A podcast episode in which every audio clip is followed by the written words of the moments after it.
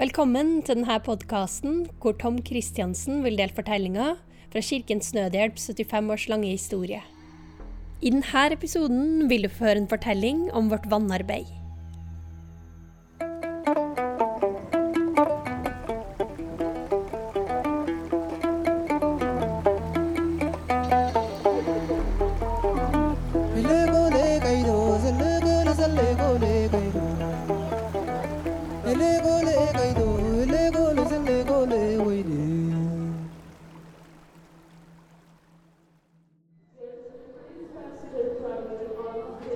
På flyplassen i Addis Abeba ble jeg plutselig klar over en lang og underlig kø.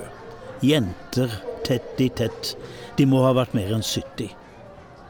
Alle var kledd i svart med tette skaut. Etiopiske tenåringsjenter går da ikke sånn? Så jeg måtte spørre en av dem. Jo, de skulle til Saudi-Arabia. De skulle bli hushjelper, sa hun og smilte. Første gang i utlandet. Første gang i fly. Spennende og skremmende. Hjelpe meg, tenkte jeg. De skal bli slaver. De skal arbeide for rike saudier og sende hjem penger til familien. Jeg heter Tom Christiansen og har hele mitt voksne liv reist rundt i verden og fortalt historier om folks liv. De fleste mennesker har det bra, også her i Etiopia, men det fins unntak. Jentene på vei ut av landet hadde pakket en liten bag med det aller nødvendigste. Mer eide de heller ikke. De hadde ungpiker, skvikke, bekymringsfrie bevegelser og det var store smil. Så kom de til skranken, og så ble det alvor, og så var de vekk. Hvor kom de fra? Hva slags foreldre er det som sender døtrene sine til fremmede land for å jobbe istedenfor å gå på skolen? En halv million etiopiske jenter har reist over Rødehavet for å støvsuge, vaske opp, rydde og passe unger. De skal ikke lære noe annet enn arabisk. De får heller ikke treffe noen. Ingen kjærester. De skal jobbe.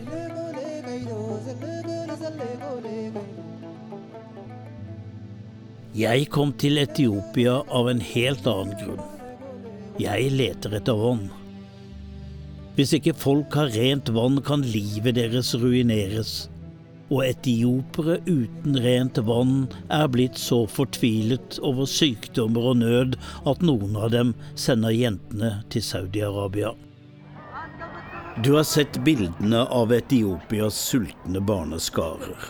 Landet har vært rammet av mange katastrofer, og fortsatt er millioner avhengig av nødhjelp. Særlig rammes de nå hardt av konflikten i Tigray og av klimakrisen. Men samtidig Addis Abeba har fått T-bane, den eneste i Afrika.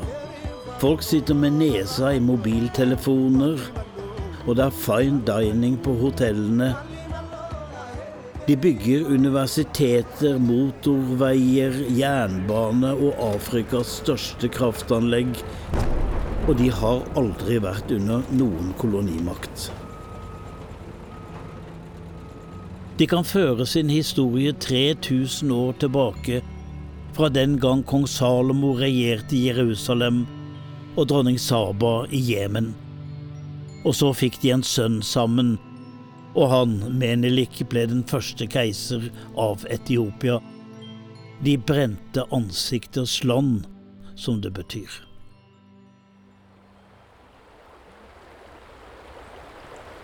Vann er magi og makt, liv og død. Nilen begynner i Etiopia og berger folks liv herfra til Egypt. Det var ved Avash-elva de forresten fant skjelettet av Lucy, det første mennesket, hun som reiste seg for tre millioner år siden og er vår alles mor. Jeg er blitt fortalt en historie om en dødens landsby, Beseko. De var 8000 før ulykken rammet. Å dra dit gjorde ingen som ikke måtte. Syke, magre menn med stokk stavret rundt på veiene. Unger satt apatisk i skyggen. Mødrene hastet ut og inn av stråhyttene med en fletta kurv, med klær eller stundom frukt. Tørken hadde tatt alle kilder, de måtte drikke vann fra grøfter og fra elva. Det fossende vannet var brunt. Der hadde dyr og mennesker gjort sitt fornødne.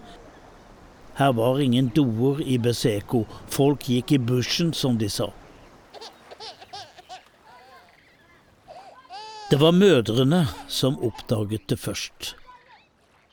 Spedbarna fikk diaré, og den var blodig. Hva er dette? De ba til Gud, hva galt har vi gjort, er vi under forbannelsen? Høvdingen kunne ikke svare.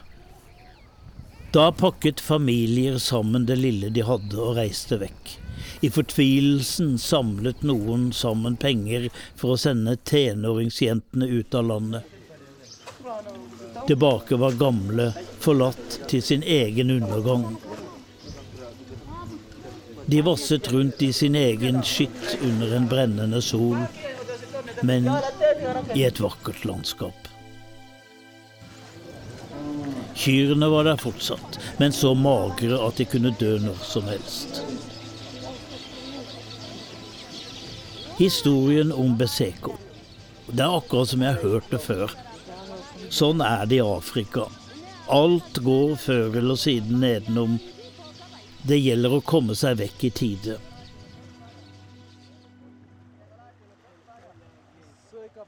Men noen lurte på hva som kunne være grunnen til at de ble syke, og derfor ikke lenger kunne jobbe. Ungene gikk rundt med vondt i magen. Bate på 14 hadde droppet ut av skolen. Han bodde med sine sju søsken, foreldre og besteforeldre på altfor liten plass. De hadde ingen steder å dra. Nå gikk dagene med til å spille fotball. En sammensurret tøyball var det de hadde. Kila på ti bodde litt lenger borte like under avokadotreet og ikke langt fra eukalyptustrærne. Før sto maisen tett rundt huset. Det ble ikke mye skolegang. Hun måtte gå til elva for å hente vann. Alltid hadde hun vondt i magen. Og den nyfødte lillesøstera bæsja blod. Hvorfor var de alle syke?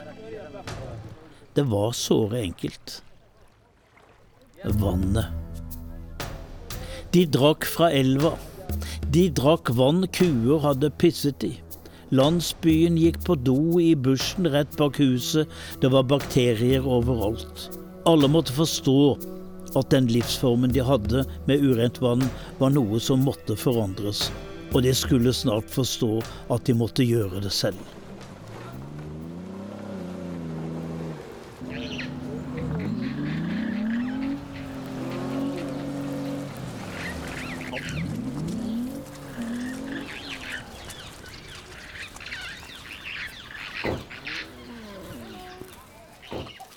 Det kom en tilreisende som ville snakke med de som var igjen i landsbyen.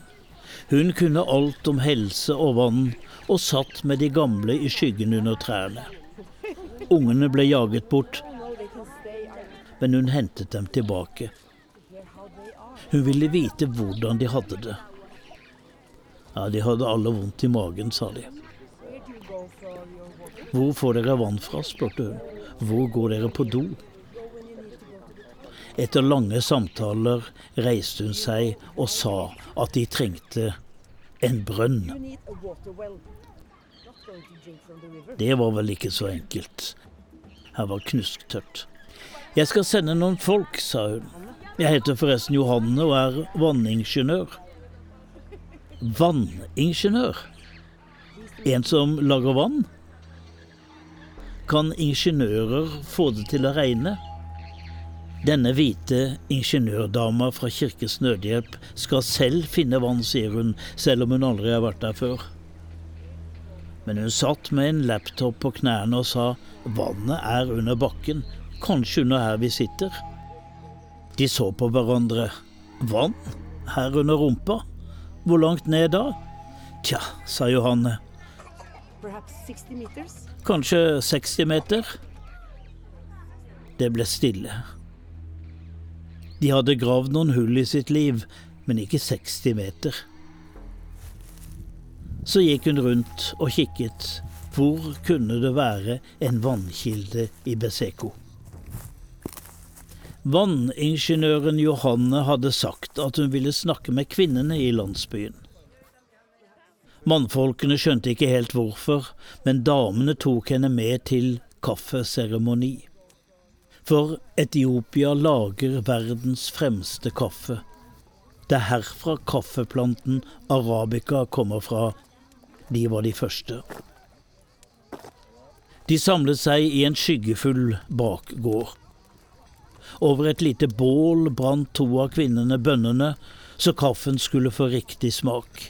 Så ble bønnene knust og malt. Kokende vann, det reneste de fikk tak i, ble helt på kaffekanner med langt ut. Luften fyltes med en sterk aroma. Kaffen kom i en tynn stråle, og så satt damene tett sammen. Stillferdige, mange av dem preget av et langt og hardt liv, men kjolene, de eksploderte i gult og rødt og blått og grønt og så sitter de på benkene og får hver sin kopp uten hank, og Johanne har kledd seg akkurat som damene og er lavmælt. Ingen her vet at Johanne er den reneste magiker, det holder hun tett om. Hun kommer ikke til å fortelle den historien fra Tsjad, var det vel. Der hadde hun holdt fram to flasker vann, den ene brun som cola, den andre klar som regnevann etter å ha blitt renset. De forsto ikke at det var mulig. Og nå kommer øyeblikket. Hun reiser seg, og hun skal bruke lang tid, så oversetteren får med seg alt. Det skal bli vann. Dere skal aldri mer drikke fra grøfta og rett fra elva. De ser på hverandre. Nei vel. Vi skal bore en brønn, helt ned til grunnvannet, langt, langt ned i bakken. Og dere lurer vel på hvordan dere skal få opp det vannet? Ja, det lurte de på. På toppen av brønnen skal det stå ei pumpe. Så kommer dere med vanndunker og fyller på, og det skal bli nok til alle. Det er stort og uvirkelig at dette skal skje her. Drikke, vaske seg, lage mat hver dag. Men så kommer overraskelsen, for Johanne har tenkt å forandre livet deres og gå rett på sak om det de helst ikke snakker om. Vet dere hvorfor dere blir syke? Hvorfor de små får blodig diaré? Det er fordi det ureine vannet i elva og grøftene har bakterier som dere smittes av. Jeg hører at dere bare går ut i bushen når dere skal på do, sier Johanne. Der er det også mye bakterier. Kan de tro på Johanne? Vet hun alt dette? Og nå kommer det mer, det blir nesten for mye, men du verden, for en nyhet. Vi skal bygge toaletter. Da skal alle gå på do, på latrina og bare der. Ikke bak hytta, ikke bushen. Og så må alle vaske seg på hendene etterpå med såpe. Der satt de og tvinnet på kaffekoppene. Vann under bakken. Pumpe. Nok til alle do, so nice såpe.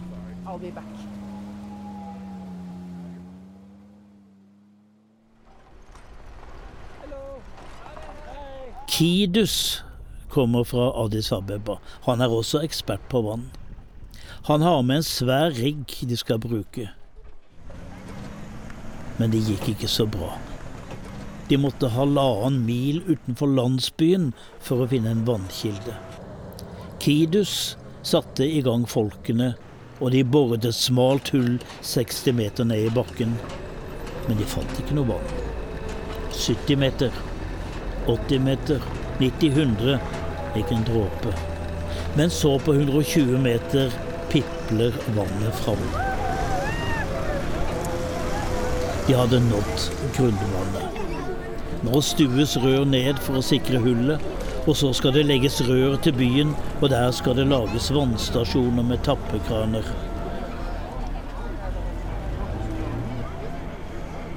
Noe har skjedd med Beseko. Folk begynner å flytte hjem. De har hørt at byen skal få rent vann. Folk holder husene i orden, og Bate er begynt på skolen igjen og fått flere å spille fotball med. Nå blir det flere folkemøter, for det skal bygges latriner, og det må de gjøre selv. Det skal bli rent og ryddig. Det har vært flere kaffeseremonier, og kvinnene har knekket en kode. Det som kommer inn i munnen skal være rent, og det som forlater kroppen skal ingen andre steder enn ned i et stort hull i bakken, doen, og de murer dasser av leire og strå, og der inne hvor ingen ser dem, skal damer et sted og menn et annet huke seg ned over et hull i fred og ro. Og når dette hullet en dag blir fullt, river de doen og bygger en ny ikke langt unna. Så blir denne lagrede dritten ei gjødselbombe som kan gi bugnende avlinger. Det nærmer seg den store dagen da høvdingen skal skru på krana. Folk mumler. De tør ikke helt tro på det vanningeniøren har sagt. Men så går høvdingen fram og vender på hendelen. Det spruter. Damene står nærmest. De roper og skriker og danser og har tatt med både kanne og en liten kopp. Ungene danser også.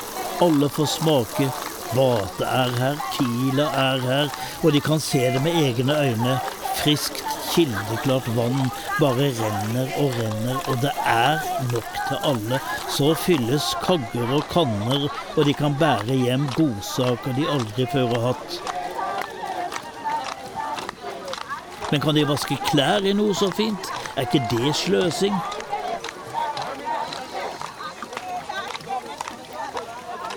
De tapper hele kvelden.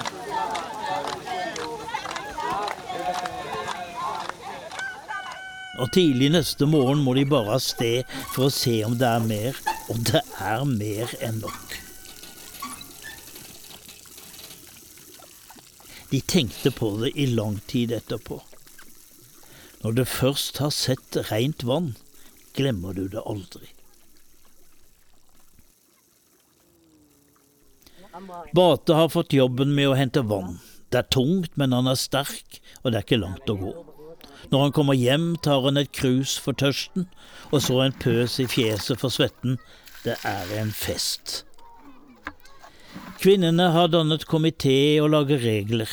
Bare én vannkagge per familie per besøk, ikke noe sløsing. Og de vet hvor de kan få reservedeler når noe ryker, eller de trenger en mekaniker. For det tok tid å rydde en stor misforståelse av veien. Dette er ikke en brønn noen har boret for dem.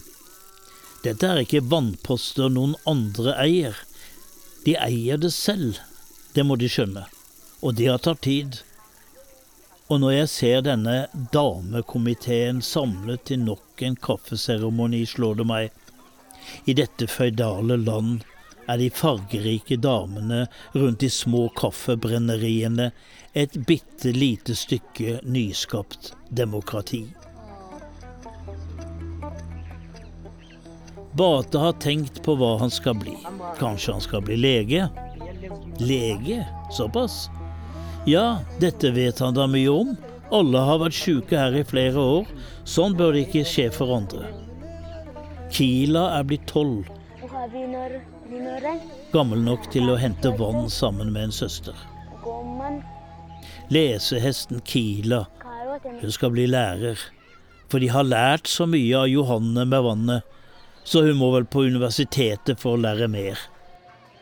Én ting har hun forresten glemt, og det er at hun ikke lenger er syk. Ingen andre heller. Så du skal ikke reise til Saudi-Arabia, da, sånn som mange andre gjør, og skaffe penger til familien. Hun ser opp med et forundret blikk. Det var da en merkelig idé.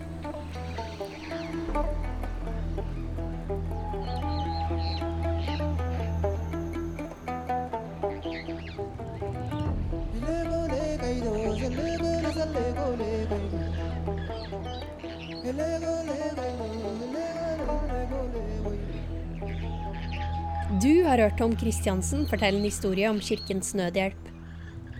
Hør flere fortellinger om vår 75 år lange historie og vår egne podkast Verden og vi, der du hører podkast.